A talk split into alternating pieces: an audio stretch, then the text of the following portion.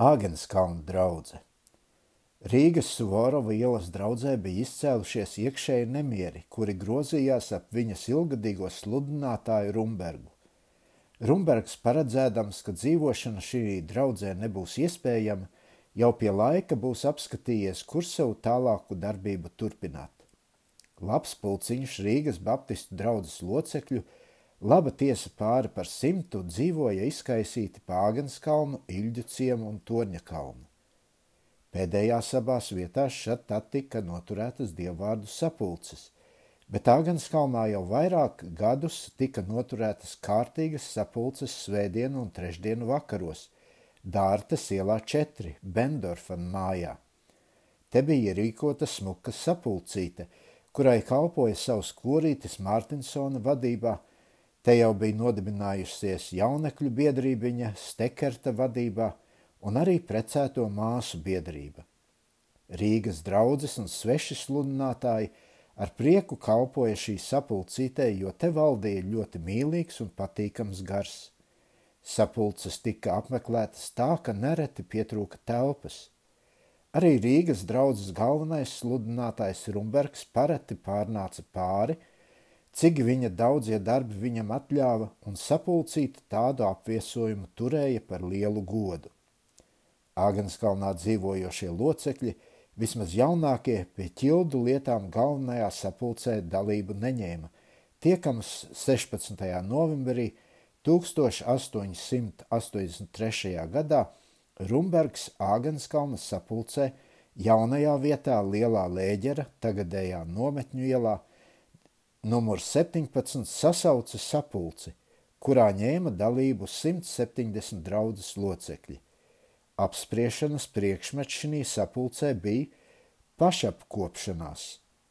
Sapulcētie lūdz Rumbergu, lai viņš uzņemtos viņus pilnīgi apkopt, kā protokolī sacīts. Tāpat arī nospriež dievkalpošanas, sākoties no jaunā gada, svētdienās ierīkot pulksten desmitos rītā un piecos pēcpusdienā un nevis kā līdz šim septiņos vakarā vien. Astoņas dienas vēlāk, 24. novembrī, notiek draudzes stunda, kurā klāt ap 150 locekļu. Šī sapulce protokola galvā dēvēta par Rīgas latviešu baptistu draudzes sapulci. Apspriešanā nāk staciju uzņemšana un viņu pienācīga apkopšana. Sapulci vada Rumbergs. Visas stacijas, kuras mūsu priekšnieku uzlūgušas, kā Smilteni, Paņikovu, Pēterburgu, Jaunjelgavu, Jēkabštati un Daugavas izteku, sapulce nospriež vienbalsīgi staciju vajadzībās ievērot tā rakstīts protoko protokolā, un tālāk liek priekšā, ka vajag nokārtot pašai savu skolu uz Āgenskalniem – lai draudzes bērniem nevajadzētu apkārt blandīties un iet citu skolās. Sapulce nospriež skolu pats pastāvīgi nokārtot un dot skolotājam par velti skolas rūmi, gatavot pēc vajadzības un spējas skolas lietas un maksāt skolotājam 20 rubļus mēnesī. No šiem spriedumiem redzams, kā Agenskalnā nošķīrušies locekļi sava priekšnieka stūrēti – Uz rokas apgriezienu bija nodomājuši spēlēt draugu dzīvē lielu politiku, kura palika pie sprieduma, bet praktikā neļāvās izvesties. Šī tāda lielīga rīkošanās bija sakaitinājusi mātes draudzes Suvorova ielā, kuras nosaukums Rīgas Baptistu draudze Agenskalnieši bija piesavinājušies un arī viņas līdzinējās stacijas sev bija pierakstījuši savā rīcībā – kādēļ jau 2. janvārī 1884. gadā draudzes stundā, kurā dalību ņem 130 locekļi un kuru vada Rumbergs, notiek šāds svarīgs priekšnesums un spriedums, kurš pēc protokola tā skan. Draudzes priekšnieks Rumbergs pavēsta, ka Suvorova ielas draudzes daļa nospriedusi Āgenskalnos aizliegt caur valdību šiem baptistiem sevi svabadi apkopt Nospriedums esot taisīts policijas klātbūšanā, un tas ar vairāk parakstiem nosūtīts pie gubernatora. Uz šādu spriedumu no vienas draudzes daļas pret otru visa sapulce izsaka vienbalsīgi protestu un smādēšanu un nospriež caur vēstuli tai draudzes daļai Svorova ielā laipni pavēstīt, ka no 2. janvāra Āgenskalnieši dēļ minētās slēguma pavisam negrib sajieties ar Suvorova ielas brāļiem un atzīt sevi kā draudzi jau no 18. novembra 1883. gada. Āgenskalnieši nu gan paši bija sākuši sevi atzīt par draudzi, bet taču bija bailēs, nez vai citas draudzes arī viņus par tādu atzīs, jo pie draudžu dibināšanas līdz šim bija pierasts ielūgt citu draudžu mācītājus, un tad jauno draudzi svinīgi un atklāti par draudzi atzīt un viņas mācītāju ievest ar roku uzlikšanu lai gan Āgānas kalnieši arī formēli draudžu sabiedrībā pareizi stāvētu, tad uz 12. februāri 1884. gadā tika saicināti vairāki sludinātāji uz dibināšanas akta izvešanu. Šī sapulce atzina Āgānas kalnā nošķīrušos locekļus par draudzi, ieveda Rumbergu tai par sludinātāju un Arumu, Stekertu un Vītiņu par draudzes kopējiem. Ar to no Āgenskalna draudze bija nostājusies pati uz savām kājām un arī formēli ievestā kā tāda latviešu baptistu draudžu sabiedrībā.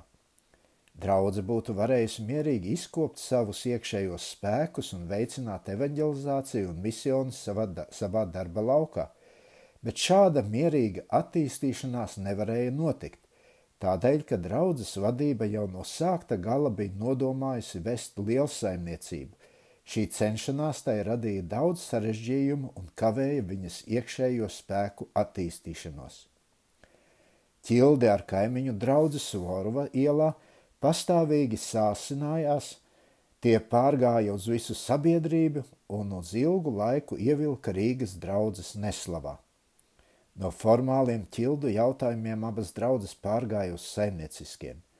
Tā 1884. gada sākumā Suvorova ielas draudze pieprasīja Rumbergam, lai viņš Rīgas draudzes lūkšanas namu, kas bija uz Rumberga vārda norakstīts, nodotu trījiem no draudzes izvēlētiem pilnvarniekiem, ka draudzes nams varētu tapt uz draudzes vārdu pārakstīts.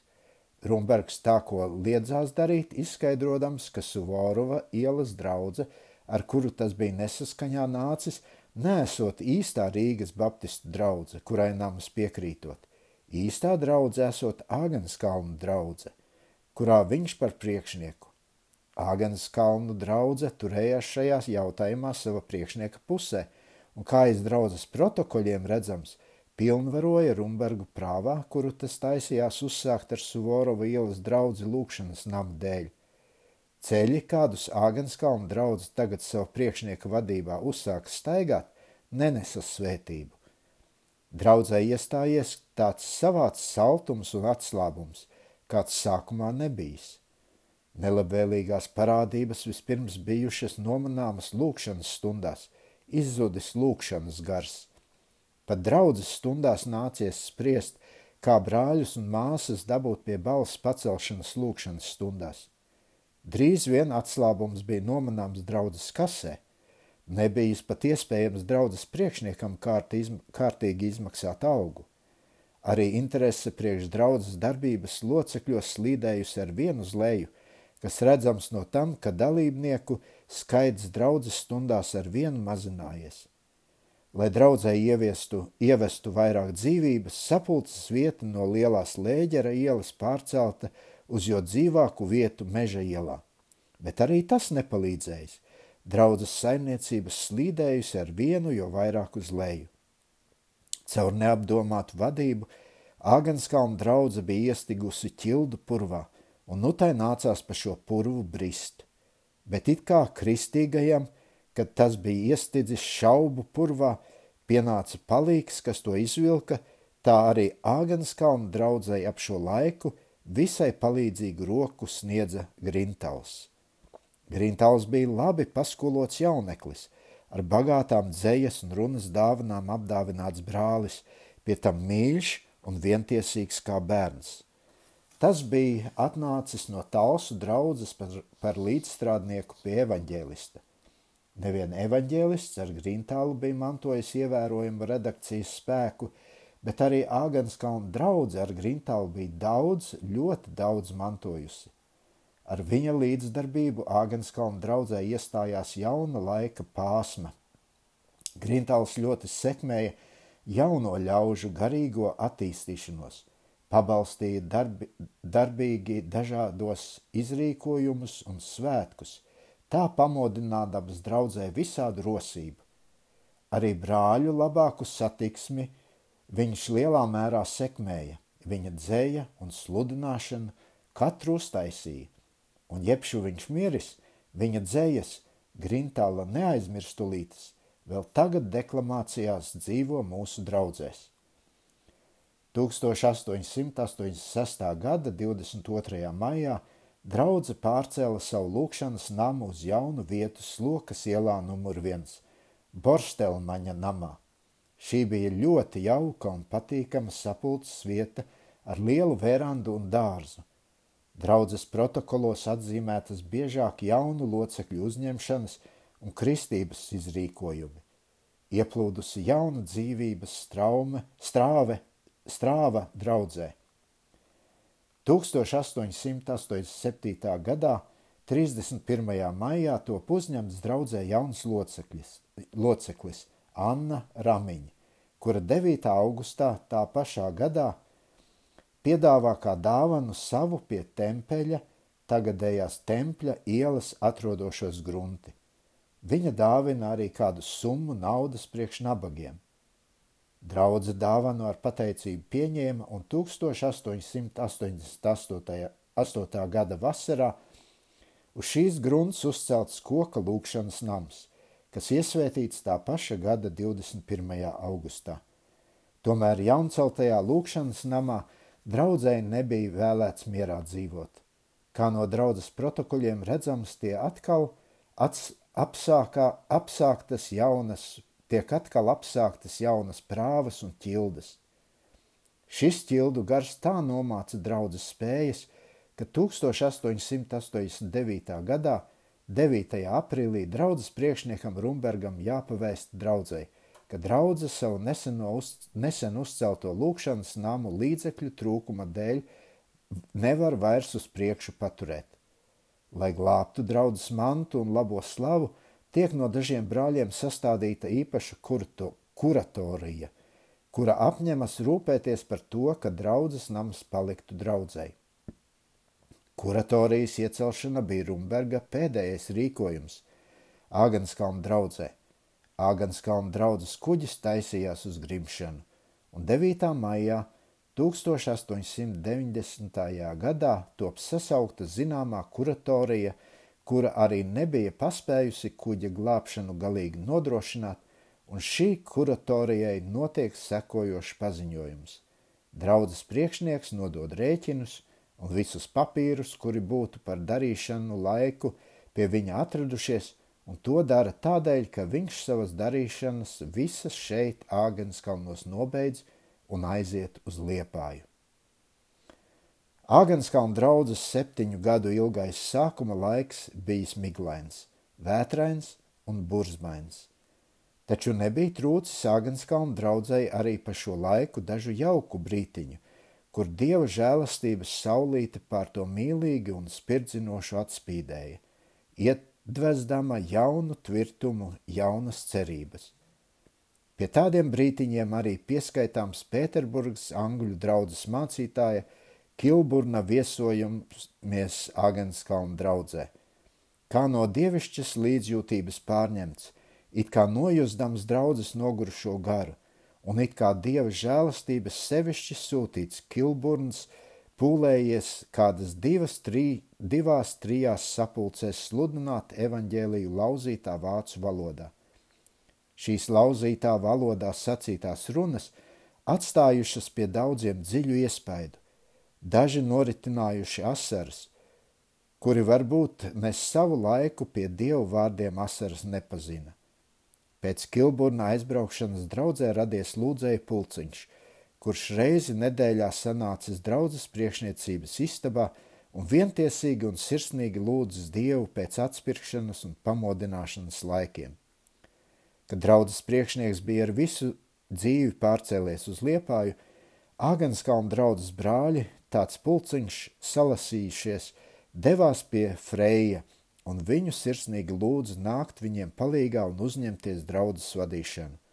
Freis gan apsolījies dažas reizes sludināt, bet vadīšanu uzņemties liedzies teikdams, man nav nekāda skata, kā draudzēji palīdzēt. Parādus samaksāt nav iespējams. Namdaru meistars, kam pieder obligācija, katru uzticību zaudējis un izskaidrojis, ka cits it nekas nelīdz, kā tikai nauda. Naudas nav, garantijas arī nekādas. Priekš bojā iešanas draudzēji nevajag nekāda vadītāja. Kam jau jānāk, tas nāks pats no sevis, ar vai bez vadoņa. Brāļi aizgāja noskumuši, bet tikai, lai nākošajā reizā nāktu atkal ar vēl sirsnīgāku lūgumu. Frejam Āgenskalna draudzes liktenis tomēr ļoti ķēries pie sirds. Beidzot Frejas likās būt saņēmis mājienu no augšienes, vairs ilgāk nepretoties. Tapa noturēta pirmā draudzes stunda, un izrādījās, ka draudzē par visiem kopā ir apmēram 60 locekļu. Šie paši locekļi apņēmās visu darīt, ko vien katrs spēja, lai uzturētu draugu vai no nu ar namu, vai bez tā. Brīnišķīgā kārtā, frejam sludinājot, tagad sāka pildīties Āgānskalna nam, lūkšanas nams ar klausītājiem. Tā priekš kā tā priekš kā pēcpusdienas. Tas notika ar katru svētdienu vairāk. Sapulcēs ienāca spirtums. Tikai kā smags lietuvēns gulēja uz draudzes locekļu sirdīm priekšā stāvošais nama izūtrupēšanas termiņš. Bet Dieva palīdzība atradās tuvu, pavisam tuvu. Kāds sapulces apmeklētājs Rīgas ģildes tirgonis Strauss, luterānis bet no sirds ticīgs cilvēks. Kādā svētdienā māju pējot brālim Frejam uz ielas bija piebiedrojies un sācis ierunāties. Šis bijis no dieva izredzētais Agenskalna draudzes lūkšanas nama glābējs. Viņš draudzēji uzticējies aizdot vajadzīgo naudu ar 5% uz nomaksu pa sīkām daļām. Strausa kungs dzīvojas taisni tik ilgi, kamēr redzēja, ka draudze visu savu parādu samaksāja, bet tā kā nevienu termiņu arī nepalika parādā. Visu šo laiku Frejas draudzēji kalpoja bez atlīdzības, un viņa piemērs paskubināja draudzes locekļus pielikt spēkus priekš draudzes uzkopšanas. Tikko pirmās lielās rūpes bija novērstas, tūdaļ draudzē iecēlusi priekšniecību un amata vīrus – Kora vadīšanu uzņēmies apiņš. Pirmā gavilēšana pēc pārciestām raizēm notikusies 1890. gadā, augusta beigās, par atmiņu, ka taisni ap to laiku dažus gadus atpakaļ atvērts šis tagad no bojā iešanas izglābtais lūkšanas nams.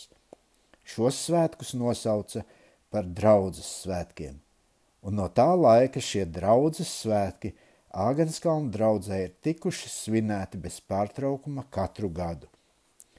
Bet draudzes īstās gaviles sākušās, kad rīkoja lūkšanas namā pirmo kristību, pirmos kristības svētkus. Tam gadījumam bija vajadzīgs ar cementu izmūrēt kristības base, baseinu zem platformas. Iestājies laiks, kad gandrīz bez izņēmuma ik katru mēnesi pie pārpildītas sapulces – kristības svētkus svinējuši.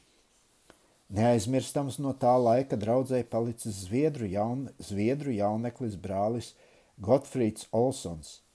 Kalpodams toreiz kā britiskās bībeļu biedrības depozitēra biedrs Rīgā, viņš ņēmis dzīvu dalību pie Āgenskalna un Dinamindas draudžu garīgās kustības. Latviski viņš nepratis gan rīzīt nekā, runājis vienmēr caur tulku vācu valodā – bet viņam bijis liels ierosināšanas spēks.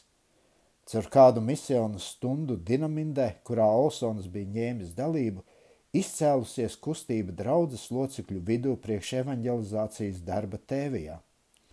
Izcēlās biedrība, kur daudz gadu no vietas izsūtīja jaunus cilvēkus kā evaņģēlijas sludinātājs pa visu Latviju un latviešu kolonijām Krievijā un arī pat ārzemēs. Frejs, kura vadībā tolaik atradās Dinamindes un Āgenskalna draudzes, ņēma sakars uz šo dzelzi savā kalšanā, un tā sāka darboties evaņģēliskā misiona, kura jebšu gan pēdējā laikā sākusi kopā ar sabie, sa, pēdējā laikā sakususi kopā ar sabiedrību un beigusi savu pastāvī, patstāvīgo darbību, tomēr latviešu baptistu draudzēs vēl nav aizmirsta. Dinamindē šis kociņš uzdīga, bet vēlāk tika pārstādīts uz Agenskalnu draudzi, un kad ar laiku biedrībai No visām malām nāca klāt pabalstītāji, Āgenskalna draudze bija visas darbības centrs. No šejienes ar lūkšanām tapa izvadīti strādnieki darbā. Uz šejieni tie atgriezās atpakaļ ar saviem ziņojumiem, kuri tapa lasīti Āgenskalna draudzes misionas stundās priekšā. Draudze ar misionas stundu kolektēm kopā ar jaunekļu, jaunavu un precēto māsu biedrībām pabalstījuši evaņģēlisko misioni, šādā kārtā maksādama tam kungam pateicību par viņa brīnišķo palīdzību, ko bija piedzīvojusi, kad tā viņu piesauca bēdu laikā.